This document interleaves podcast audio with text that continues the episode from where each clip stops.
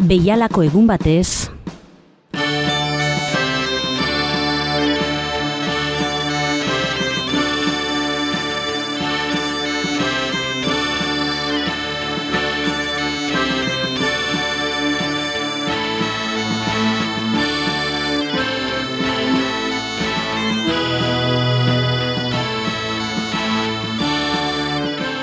Emeretzi ditu gaur eh, ekainak eta iroita urte betetzen dira Frankoren e, tropak e, Bilbon sartu e, zirenetik. Horren e, arira, aipatu behar igandean berria egunkarian e, gehigarri e, gizako horretan egotzon hermosila gure kolaboratzailea eta kasetariak lan polita e, burutu zuela erreportaje e, gisa. Horri erreparatuko diogu, datu zen, minutuetan.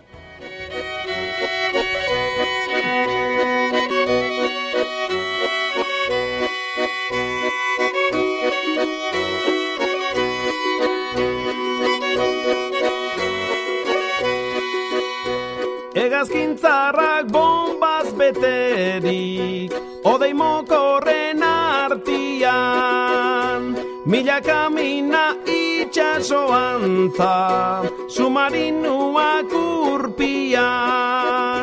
Oie gertutzen ibili dira Joan daneko aspaldian.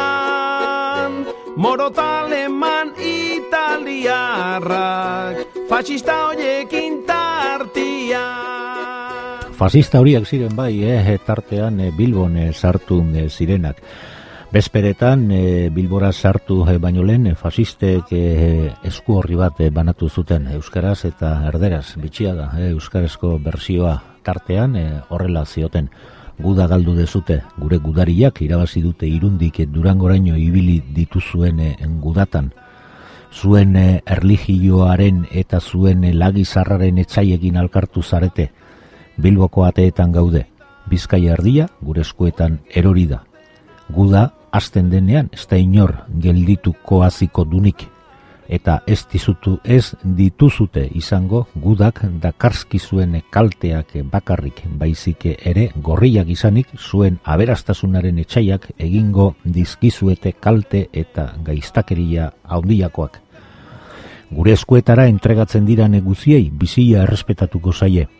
Gaiztakeriak egin ez dituzten gudariei libertadea emango zaie eta gaiztakeriak egin dituztenak tribunaletara deituko zaie estadu berriaren propiedadea zuen ere izango da eta bertatik disfrutatuko duzute zuen herriaren e, legezarra eta privilegioak errespetatuaz eta justizi soziala eginaz. Espainia handi bat, alkartu bat eta askatu bat egiten e, ari dira gure estadu berriak nahi dun bezala. Utzi zazute armak, bizkaitarrak, el generalísimo Franco. Euren ikusirik ezin aurrera jarraitu batzuk batetik bestek bestetik atzeran horlako zurra eramaterik. Ez zuten asko pentsatu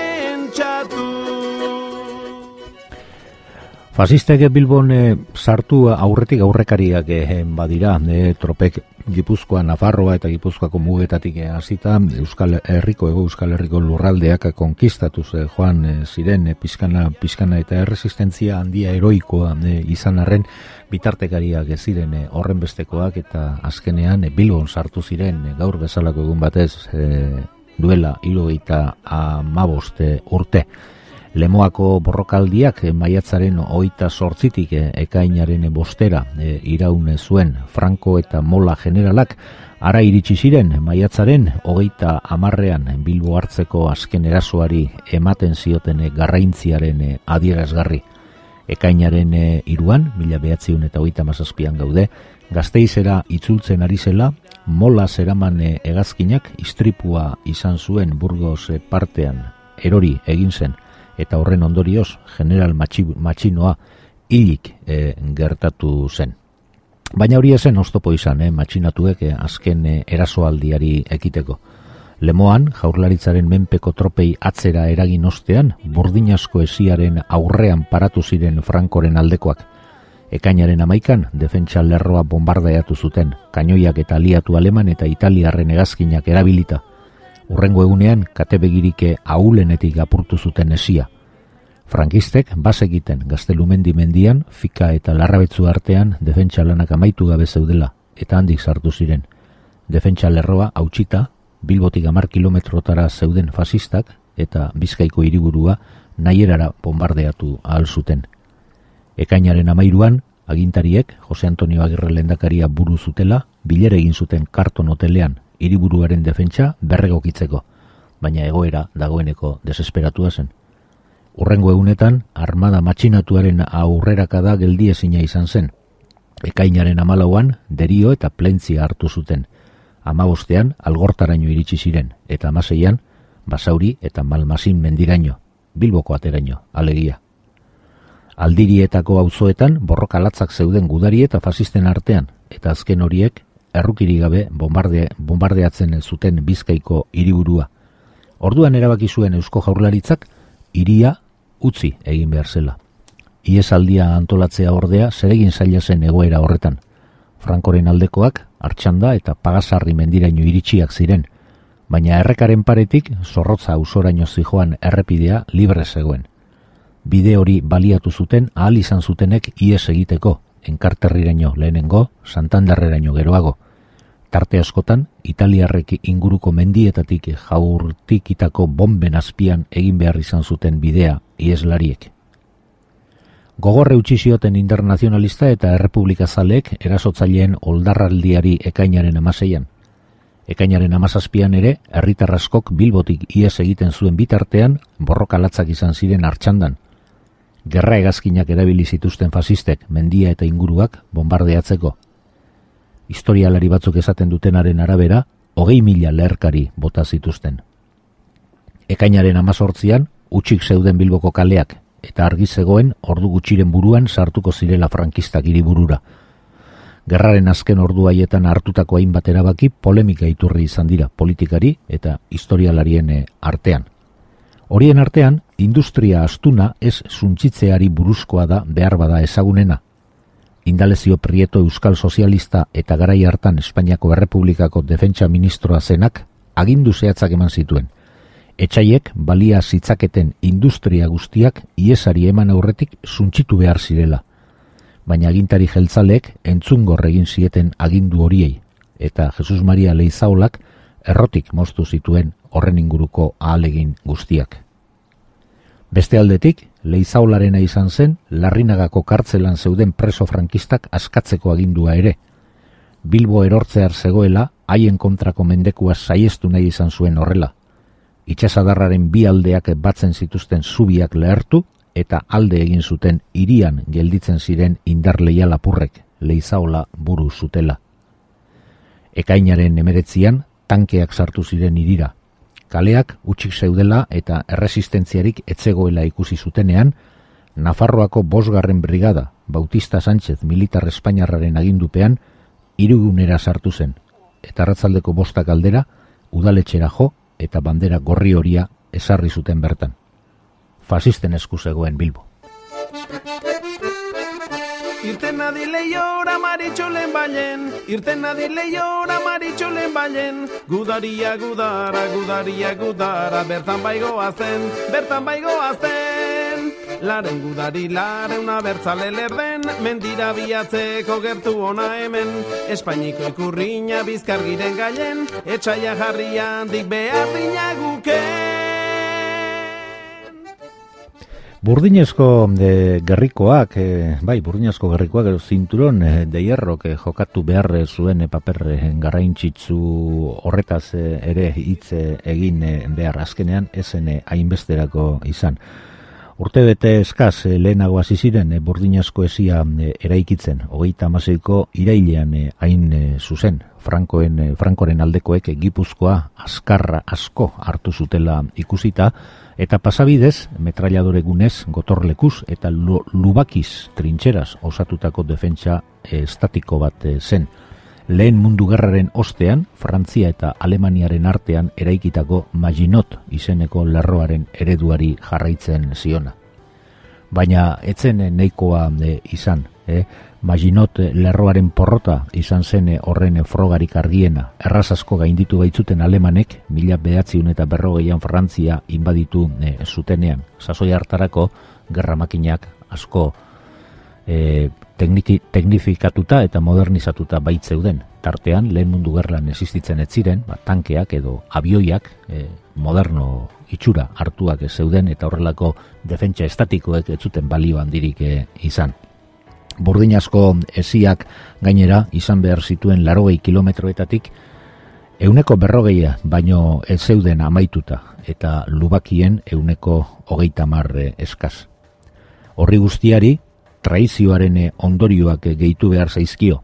Hasiera hasieratik traizioaren itzala ibili zen burdinazko esiaren lanen gainetik. Pablo Murga kapitaina izan zen lanen lehenengo arduraduna, baina jaurlaritzak laster jakin zuen Murgak informazioa pasatzen ziola Austriako konsul eta nazien aldeko espia zenari. Bibiak atxilotu zituzten, azken hori areetan Donibane loitzunerako itxasontzi bat hartzera zijoanean, eta maletan burdinazko esiaren planoak zera matzala. Biak fusilatu egin zituzten. Ondoren, Alejandro Goiko etxea, militar izandako ingenieriari eman zioten lanak zuzentzeko ardura. Mila behatziun eta hogeita mazazpiko otzailean, fasisten aldera pasatu zen goiko etxea, aldean, burdinazko esiaren planoak zituela.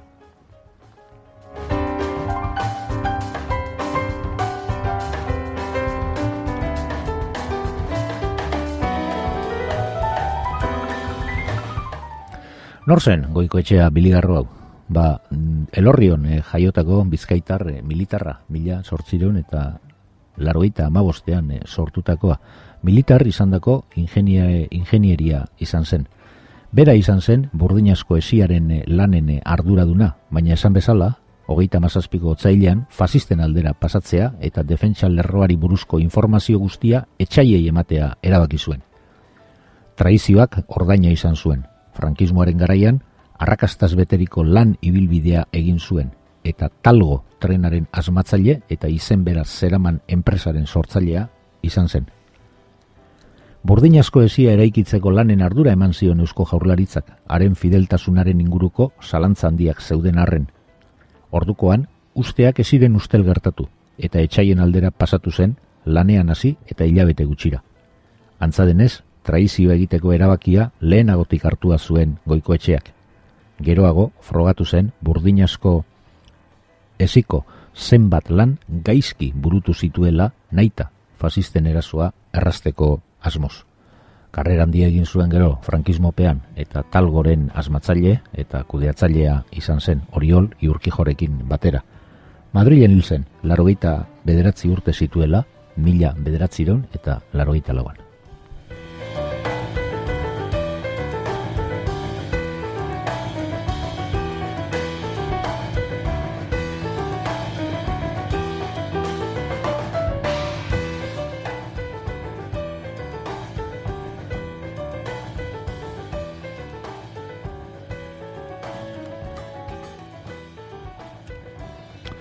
Bilboren e, historian, mila bederatzireun eta hogeita amazazpiko ekainaren emeretzi ura, mugarri garraintzitsua izan zela esan behar. Aro baten amaiera ekarri zuen, baina hori bezain garraintzitsua dena. Izuak, jasarpenak eta mendekuak moldaturiko beste aro baten hasiera ere ezarri zuen. Bombardaketak, tropen arteko borrokaldiak eta gerraren alderik ezagunenak amaitu ziren, baina horiek bide eman zieten fusilatziei, garroteari, kartzelari eta bestelako zigorrei. Larrinagako kartzela utxik gelditu zen, frankistak Bilbon sartu bezperan. Baina laster bete zen berriro. Are gehiago, kartzela txiki gelditu zen, hainbeste preso sartzeko, eta beste leku batzuk egokitu behar izan zituzten. Bilboko eskolapioen eraikina, tabakalerarena, santutxuko karmeldarren konbentua, orueko txaleta, hau emakumezkoentzat eta beste zenbait. Eusko jaurlaritzak zerabiltzan datuen arabera, mila bederatzireun eta hogeita amazazpiko amaieran, Bilboren okupazioa izan eta hilabete gutxira, ia sortzi mila preso zeuden Bilbon. Horietatik, bi mila eta berreun, larrinagako kartzelan. Horri guztiari konzentrazio eremuak gehitu behar zaizkio. Bilbon, horrelakoak atxigitzeko, Deustoko Unibertsitatea egokitu zuten konzentrazio esparru gisa, Bilbo erori zenetik, mila bederatzirun eta berrogeiko hasiera arte. Ezin da jakitea zenbat lagun igaro ziren esparru horietatik. Jaurlaritzaren datuen arabera, mila bederatzireun eta hogeita amazazpiko amaieran, bi mila eta sortziron preso inguru zeuden, eta gintari frankistek erroldetan agertzen, e, agertzen da garaiko gorenean, mila bederatzireun eta hogeita amazortziko apirilean, lau mila eta zeireun ere izan zirela, baina kontuan hartu behar da, presook epaituala frontera edo langile batalioi, batalioietara bidaltzen zituztela, eta beste preso batzuk ekartzen zituztela. Beraz, pentsa daiteke milaka eta milaka lagun igaro zirela handik, konzentrazio esparru gisa erabili zituzten bi urte terdian.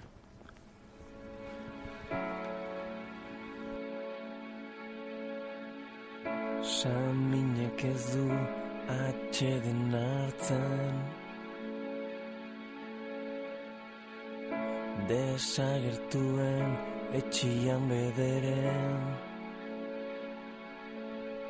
Saminak ez du atxeden hartzen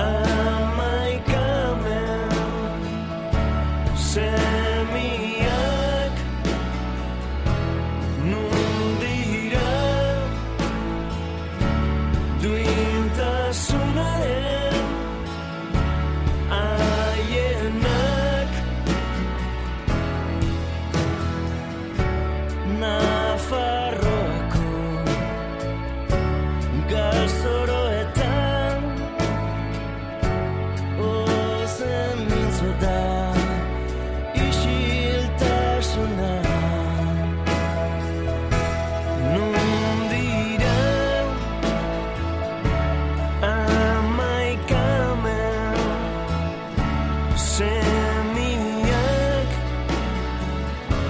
Nun dira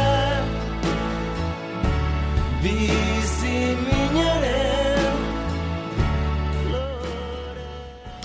Kartzela moduan ez ezik, esekuzio leku gisa ere funtzionatu zuen larrinagak, eriotza zigorra zutenak ara bidaltzen baitzituzten.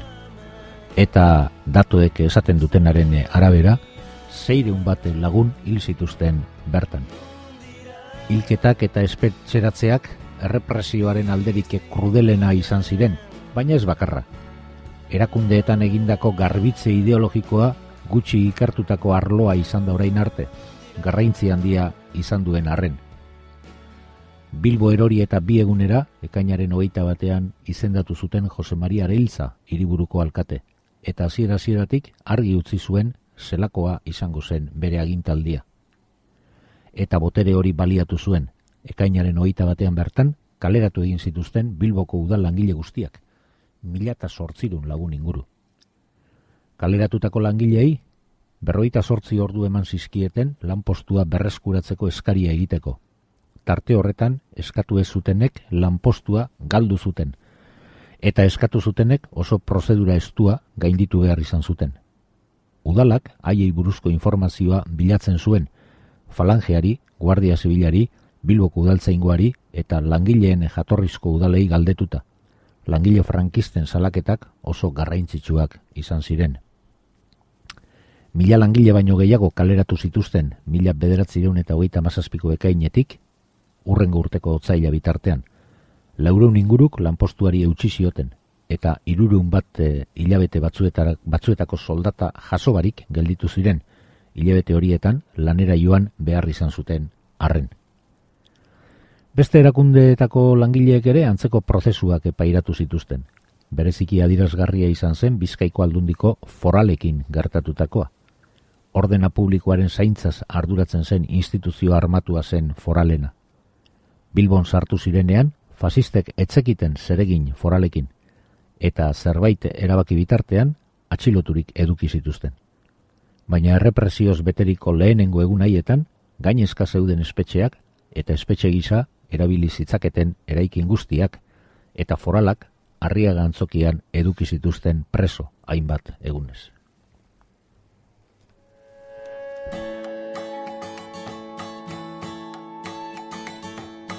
Nun not da itxaropena eta etxipnaren arteko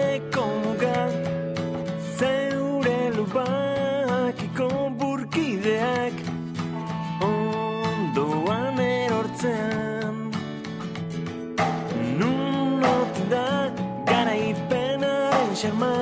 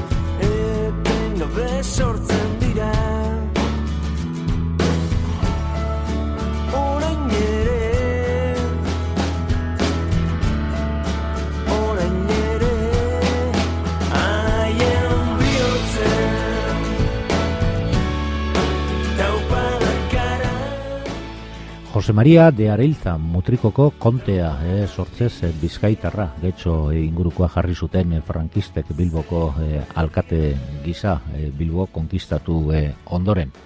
Denporarekin, demokrata e, bilakatuko zen eta Espainiako transizio deitzen den sasoi e, horretan, paper garrantzitsua jokatu zuen, bizitza guztiko, demokrata izan balitz bezala, mutrikoko konteak Mila bederatzireun eta hogeita mazazpiko ustailaren sortzian egin zuen e, guztiek e, gogoratzen duten dugun e, itzaldi argigarria Bilboko Koliseo Albia antzokian. Frankoren armada bizkaiko hiriburuan sartu eta hiru astera alegia. Besteak beste, honela mintzatu zen mutrikoko kontea Jose Maria Arilza. Konkistaren bidez salbatu gaituzue, indarrez, tiroka eta kainoiu kaldika esan zien antzokian bildutako soldaduei eta ez zuen gezurrik eh, esan. Hauan, legarri gabe aritu zen Jose Maria Arilza, Bilboko lehen alkate frankista. Beraren atira hitz hauek, jakin dadila egia, behin eta betiko. Bilbo ez da errenditu, baizik eta armadak eta miliziek konkistatu dute, bizitza asko sakrifikatuz. Bilbo, odolez, erredimidutatako iria da. Bizkaia berriz ere, Espainiako zati bata, konkista militar soil eta utxagaitik. Frankoren espatak erabaki du bizkaitarkeriaren kuria hausia.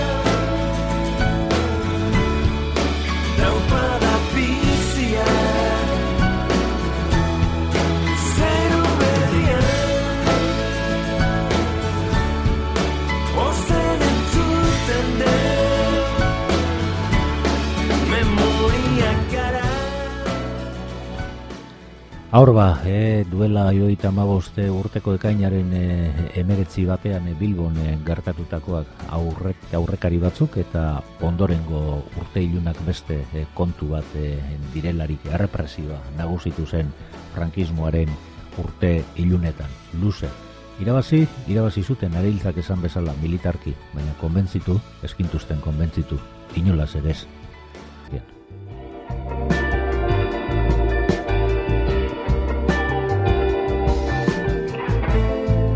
Egun kario ara bat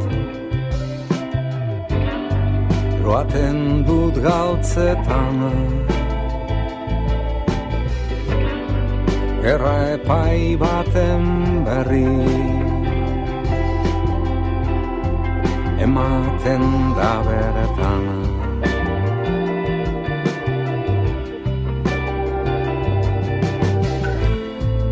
Elias ezkururia Ta bere kondena abertzale zelako.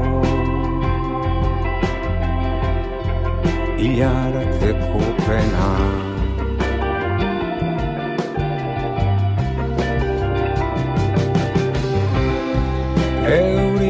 Euriari duen. Ernika gainean Teilatu berria Iri zaharrean. Preso eruan zuten Eta lumo gainetik Gebeltza gerida Eliasen etxetik.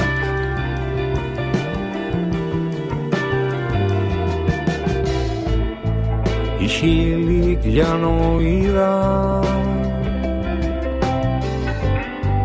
Altzaiaren maian Izgutuan ikasi nuen. Gure kondaira.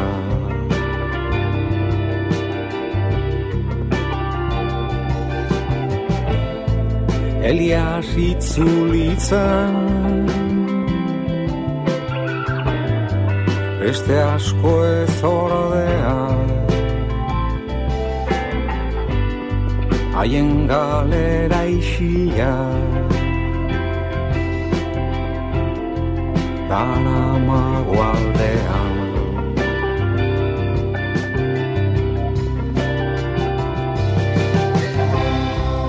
Euriari duegun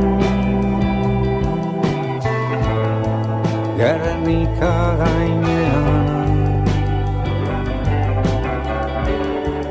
Teilatu berriak Iri zaharrean. Preso eruan zuten. Talumo gainetik Gebeltza geri zen Eliasen etxetik